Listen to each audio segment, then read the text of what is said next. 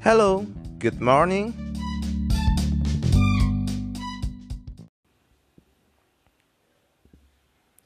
Passion. Passion adalah sebuah kata yang buat sebagian orang terasa agak buyar, alias agak sedikit abstrak. Banyak orang yang hidupnya jadi luar biasa karena kata-kata ini. Tapi nggak sedikit orang juga yang hidupnya di bawah standar karena kata-kata ini. Ingat banget kalau saat waktu gua di umur 20-an, awalnya saat gue mulai galau dalam mengartikan yang namanya gue mau kuliah apa ya gue mau bekerja gimana ya bahkan sering kali menjadi kegalauan buat gue pribadi untuk mengartikan enaknya bekerja sesuai passion atau bekerja untuk uang Bahkan di umur yang kepala tiga ataupun kepala empat pun masih banyak orang yang berkutat dengan kata-kata passion ini. Ada pepatah ngomong do what you love and love what you do. Memang banyak orang yang bisa mengerjakan kata-kata yang pertama, di mana mengerjakan sesuatu yang kita cintai. Tapi sangat sedikit orang yang bisa melakukan kata-kata yang kedua. Karena mungkin agak sulit untuk melakukan sesuatu yang nggak kita suka. Nah, buat saya saat ini passion emang bisa muncul secara tiba-tiba atau tidak kita sadari. Tetapi passion juga bisa muncul ketika kita mahir dalam suatu suatu skill set tertentu. Nggak percaya? Coba katakan kepada orang yang melatih skill set bermusiknya. Awal-awal mungkin sebagian buat sebagian besar orang mereka nggak suka dalam berlatih. Tetapi saat mereka skillful, saat mereka mulai jago, maka bermusik akan menjadi sesuatu yang menyenangkan buat hidup dia. So, I think uh, passion bukan cuman ditemukan, tapi passion adalah dilatih. Di mana sering kali kita melakukannya berulang, berulang, dan berulang, akan menjadi mahir, dan ketika mahir, muncullah passion tersebut. Dan sering kali passion lebih banyak ditumbuhkan bukan karena kita temukan, bukan karena muncul tiba-tiba, tapi karena kita menguasai satu atau banyak skill set. Apakah kamu percaya? Nah, mm, buat saya bahkan sering kali beda level ekonomi dari setiap pribadi juga menentukan perbedaan mereka dalam bekerja. Dalam memand mereka memandang cara mereka dalam bekerja. Mungkin untuk sebagian kelas menengah atau kelas menengah atas, bekerja buat setiap mereka adalah sebuah passion atau ya kita bisa bilang suatu aktivitas di mana mereka bisa kerjakan untuk sekadar mengisi waktu atau juga aktualisasi diri. Tetapi ada beberapa di antara mereka, khususnya level kelas menengah bawah, mereka memandang suatu hal, sebuah kata yang namanya bekerja itu adalah sesuatu yang berbeda dibandingkan dengan kelas menengah yang atas tadi. Bekerja buat setiap mereka adalah sebuah kehar bukan sebagai so sebuah keharusan. Tapi sebuah kewajiban. Memang sudah wajib gitu. Karena mereka nggak punya pilihan lain. Beda beda ceritanya dengan orang-orang yang kelas menengah atas Bekerja buat mereka bukan sebuah keharusan tapi sebuah pilihan. Mereka bisa pilih waktu mereka untuk bekerja, melakukan kegiatan usaha, atau ya nggak melakukan kegiatan apa pun. Kenapa? Ya karena mereka sudah punya resource yang ada. Beda levelnya dengan kelas menengah bawah. Mereka bekerja untuk kewajiban, keharusan, mereka harus menghidupi keluarganya. Dapur di rumahnya harus ngebul. Beda lagi dengan level kelas ekonomi bawah. Mereka bekerja sebuah keharusan untuk mereka bertahan hidup. Pernah nggak teman-teman semua hidup day by day? Hari ini cukup untuk hari ini, besok nggak tahu mau makan apa. Seringkali mungkin di antara kita banyak yang sudah otopilot kita udah nggak usah mikirin lagi. Bahkan kalaupun kita pikirin pikirannya mau makan apa? Pilihannya lebih banyak. Belum lagi kalau buat setiap mereka yang saat ini udah menjadi generasi sandwich yang di mana mereka harus hidupin keluarganya atas dan bawah dan yang sering kali menjadi dilematis dalam hidup mereka nah gue percaya bahwa kita harus terus bersyukur bukan cuma lihat ke atas tapi harus juga sering lihat ke bawah. Buat setiap kita, kalau mungkin kita lihat ke atas, sering kali kita melihat ada banyak orang yang nggak perlu bekerja, atau mereka bekerja juga waktunya minimal, mereka bisa banyak waktu luang, mereka bisa mengerjakan banyak hal. Nah, tapi kita harus memanfaatkan, memanfaatkan setiap kesempatan kita yang kita punya untuk dapat mencapai apa yang menjadi tujuan dalam setiap hidupan kita. Tentunya berbeda kalau buat gua kita uh, kalau gue bekerja ya sebagai sebuah keharusan untuk mencapai sesuatu yang mungkin dianggap biasa buat sebagian orang yang disebut sultan. untuk mencapai level di mana bisa passive income dan pencapaian-pencapaian lainnya. Tapi kita harus bersyukur kalau sampai saat ini kita masih bisa bekerja karena ada begitu banyak orang yang saat ini lagi mau bekerja mereka nggak punya uang ya. Mereka nggak punya kesempatan untuk bisa bekerja. Nah, hari ini gue mau memperkenalkan sebuah konsep yang sering mungkin ada yang baru tahu, ada yang sudah familiar, adalah namanya ikigai. Ikigai adalah sebuah konsep dari Jepang di mana sebuah alasan untuk dapat hidup for being. Jadi kalau kita dulu SMP kita pernah belajar diagram Venn di mana ada dua lingkaran yang saling bersinggungan. Nah, ikigai ini ada empat buah lingkaran yang bersinggungan ada lingkaran. Yang pertama adalah lingkaran apa yang kita sukai. Jadi sesuatu yang kita suka. Yang kedua adalah lingkaran apa yang dunia sedang butuhkan. Dan lingkaran yang ketiga, apa yang kita kerjakan dan kita bisa dapat bayaran dari hal tersebut. Dan lingkaran yang terakhir adalah apa yang kita punya kemampuan, kemampuan apa yang kita punya, skillful apa yang kita punya. Nah, mereka punya dari keempat lingkaran tersebut mereka punya irisan-irisan. Contohnya adalah irisan apa yang kita sukai dan apa yang kita miliki atau skill skill set yang kita miliki itu disebut passion. Makanya ada orang bilang bahwa bekerjalah sesuai dengan passionmu. Bekerja di mana kamu mampu punya kemampuan tersebut dan kamu suka ya itu yang disebut passion ada yang kedua irisan yang kedua adalah irisan antara apa yang kamu sukai dengan apa yang dunia butuhkan ketika kedua irisan tersebut cocok itu bisa disebut mission atau misi. Berapa banyak di antara kita kita melihat ada banyak orang-orang yang pergi untuk melakukan misi. Contohnya adalah ada ada banyak lembaga-lembaga non profit yang mereka ke daerah-daerah terpencil mereka bangun rumah di situ membangun pendidikan mereka hidup tanpa listrik atau mungkin teman-teman pernah dengar namanya gerakan Indonesian mengajar. Dan salah satunya adalah mereka orang-orang lulusan uh, lulusan S1 yang terpilih jadi ada register registrasinya ada banyak dan dari banyak itu hanya beberapa puluh atau beberapa ratus yang dipilih dan mereka dikirim ke pedalaman yang mereka nggak ada internet nggak ada listrik dan mereka diharuskan mengajar selama satu tahun dan mengabdi di daerah tersebut. Mereka akan hidup di daerah tersebut, mereka akan tinggal bersama uh, keluarga-keluarganya dan lainnya.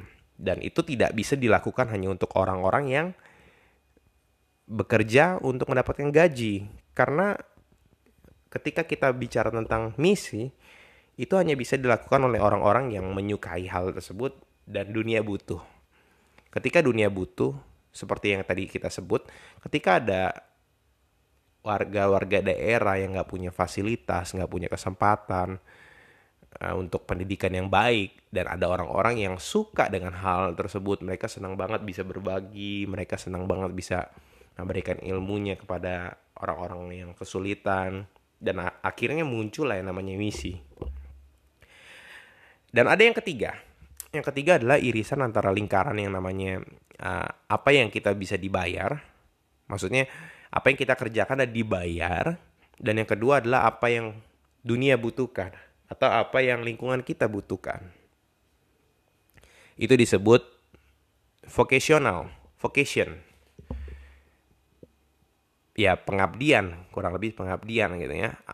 Contohnya apa? Ya, vocation seperti dokter dan lainnya. Dunia butuhkan dan kita bisa dibayar. Vocation.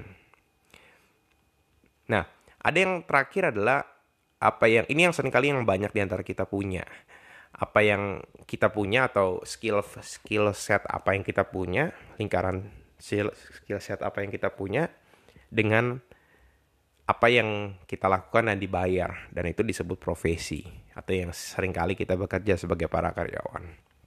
Nah, profesi tentunya ya apa yang kita punya. Itu udah nggak bicara tentang apa yang kita suka atau apa yang dunia butuhkan. Tapi apa yang kita punya skill set contoh misalkan teman-teman jago untuk sebagai data analis. Dan di dalam suatu perusahaan dibutuhkan data analis untuk meng, meng, mengolah sebuah data untuk dapat menghasilkan sebuah model yang menarik gitu. Ya di situ disebut profession. Nah dan di luar dari itu pun juga ada beberapa irisan. Jadi ada kalau misalkan irisannya adalah tiga irisan atau kita sebut uh, apa yang kita hebat di situ, apa yang kita suka dan apa yang dunia butuhkan, di situ akan muncul yang namanya ketertarikan, fullness, delight, dan nggak merasa bahwa ya uang nggak bukan sebuah jadi masalah. Ada juga yang mendapatkan excitement, ada yang mendapatkan comfortable dan lainnya. Nah, kalau tadi kita ngomong irisan-irisan yang tadi, bayangin deh kalau misalkan keempat lingkaran irisan tadi beririsan sama-sama. Jadi apa yang kita suka, apa yang kita bagus di situ. Contoh, contoh. Saya suka um, saya suka mengajar, contoh ya. Saya suka mengajar. Dan memang saya diberi karunia oleh Tuhan dan dilatih dalam hal ini bisa menjelaskan dengan baik apa yang saya miliki informasinya. Ya nggak cuma itu. Di saat itu ada banyak orang-orang di lingkungan kita yang membutuhkan pengajaran tersebut. Karena literasi tentang pengajaran tersebut, misalkan contoh literasi tentang pembelajaran keuangan itu merupakan sesuatu yang sangat jarang yang dimiliki oleh dunia atau lingkungan kita. Dan di karena di sana sangat jarang, orangnya jarang dan hanya kemampuan itu hanya punya beberapa orang saja yang mempunyai skill set tersebut. Dan kebetulan gue suka banget sama yang namanya mengajar.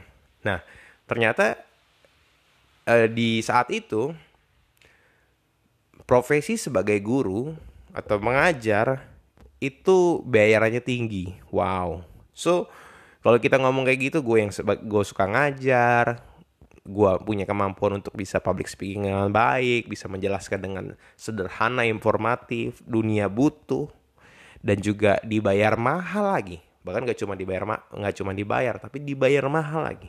Di situlah mulai muncul yang namanya kata-kata dalam konsep Jepang disebut ikigai alias fullness of that, fullness of all that kind. Nah, tentunya jujur aja ya, dalam hidup kita susah untuk menemukan kata-kata yang namanya ikigai ini. Seringkali ya cuman profesi yang kita punya.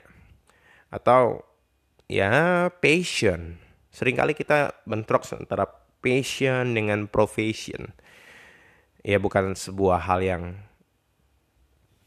yang biasa gitu luar biasa tapi memang sebuah hal yang biasa sering kali cenderung anak milenial anak generasi Z pun mereka bermasalah dengan hal-hal tersebut atau bahkan generasi alpha saat ini yang sudah berumur 2000 20 tahun mungkin ya atau 10 tahun sorry 10 tahun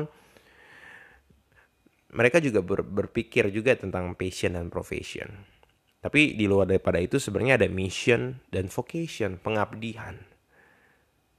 Nah, tentunya itu yang harus kita pilih. Ya, buat gue pribadi ya, um, passion menarik. Tapi kalau memang saat ini kita belum bisa punya passion ya minimal kita harus fokus sama dengan apa yang menjadi tanggung jawab kita dulu. Ya udah kita punya kemampuan apa kita tukarkan kemampuan kita skill kita waktu kita dengan penghasilan dalam punya uang gitu. Tapi nanti seiring berjalannya waktu kita mampu bisa mengejar yang namanya passion. Mungkin um, gue baru tahu ada seorang namanya Ika Natasha dia adalah seorang banker dan seorang penulis yang luar biasa. Salah satu buku yang gue tahu adalah Tweet Twitter File uh, dan Critical Eleven lah. Banyak-banyak buku-buku yang bagus dari dia dan banyak dibuat film. Ya apa yang dia lakukan adalah dia bekerja dan menjadi bankir yang sukses. Tapi di luar dari itu dia punya kemampuan untuk bisa menulis dan dia suka sekali dengan menulis akhirnya bisa menjadi sutradara dan dia mengerjakan dua hal tersebut dengan baik. So eh, nggak ada yang nggak mungkin kita bisa mengerjakan kedua hal tersebut bahkan ikigai pun juga nggak bukan sesuatu yang nggak mungkin tapi tentunya sering kali nggak akan bisa ditemukan dalam satu waktu sering kali yang kita harus lakukan adalah kita harus bekerja kita harus berjalan maju sehingga sampai di titik di titik tertentu kita akan dapat mendapatkan poin-poin yang lainnya. Jadi nggak cuma satu poin aja. Kita dapat terus poin baru, poin baru, poin baru sampai capai yang namanya ikigai. Jadi buat teman-teman semua yang saat ini sedang mencari jati dirinya, sedang mencari passion, sedang mencari profesi kerja gue apa yang harus gue lakukan dan lainnya, ya udah fokuslah bekerja.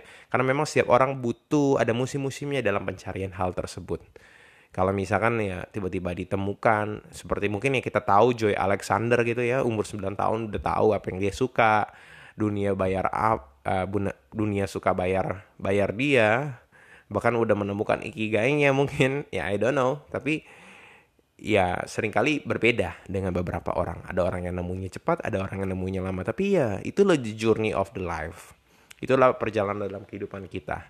Nggak ada yang bisa memilih tapi baik lagi poinnya yang harus kita lakukan adalah kita mencoba memberikan yang terbaik ketika kamu bekerja. Mungkin bekerja kamu adalah menukarkan skill set kamu dengan waktu kamu dengan uang. Ya udah bekerjalah dengan yang terbaik. Sehingga sampai satu di titik di mana tertentu ketika kamu punya skill set tersebut, ketika kamu menjadi mahir, pada akhirnya kamu akan menyukai pekerjaan tersebut. Kenapa? Karena kamu punya sesuatu yang berbeda, punya sesuatu yang lebih dibandingkan orang-orang yang lain. Dan di saat itu eh, kecintaan kita sama sebuah profesi, kecintaan kita sama sebuah industri itu akan mulai muncul. Percaya sama gue. Dulu gue mulai bercari passion gue apa sih dan lain-lainnya. Tapi ternyata ketika gue mulai menjalani dan menyukai, ketika gue mulai mahir melakukan berulang-ulang dan akhirnya jadi mahir, nah di situlah gue mulai menemukan passion gue. So itulah teman-teman yang bisa gue sharing uh, buat sebagian kita terus bekerja, terus berusaha, karena kehidupan kita tentunya nggak bisa ditemukan dalam waktu yang sekejap. Kita harus terus berjalan, lewatin experience demi experience, pengalaman, lewat jatuh bangun tentunya, sampai kita menemukan sebuah titik di mana kita bisa menyerahkan atau mengerjakan segala sesuatu dengan sangat luar biasa. Aktualisasi diri, fullness of life, itulah yang kita mau kejar. Dan itulah buat setiap orang yang semua orang pengen lakukan. Oke? Okay? See you and God bless you. Bye.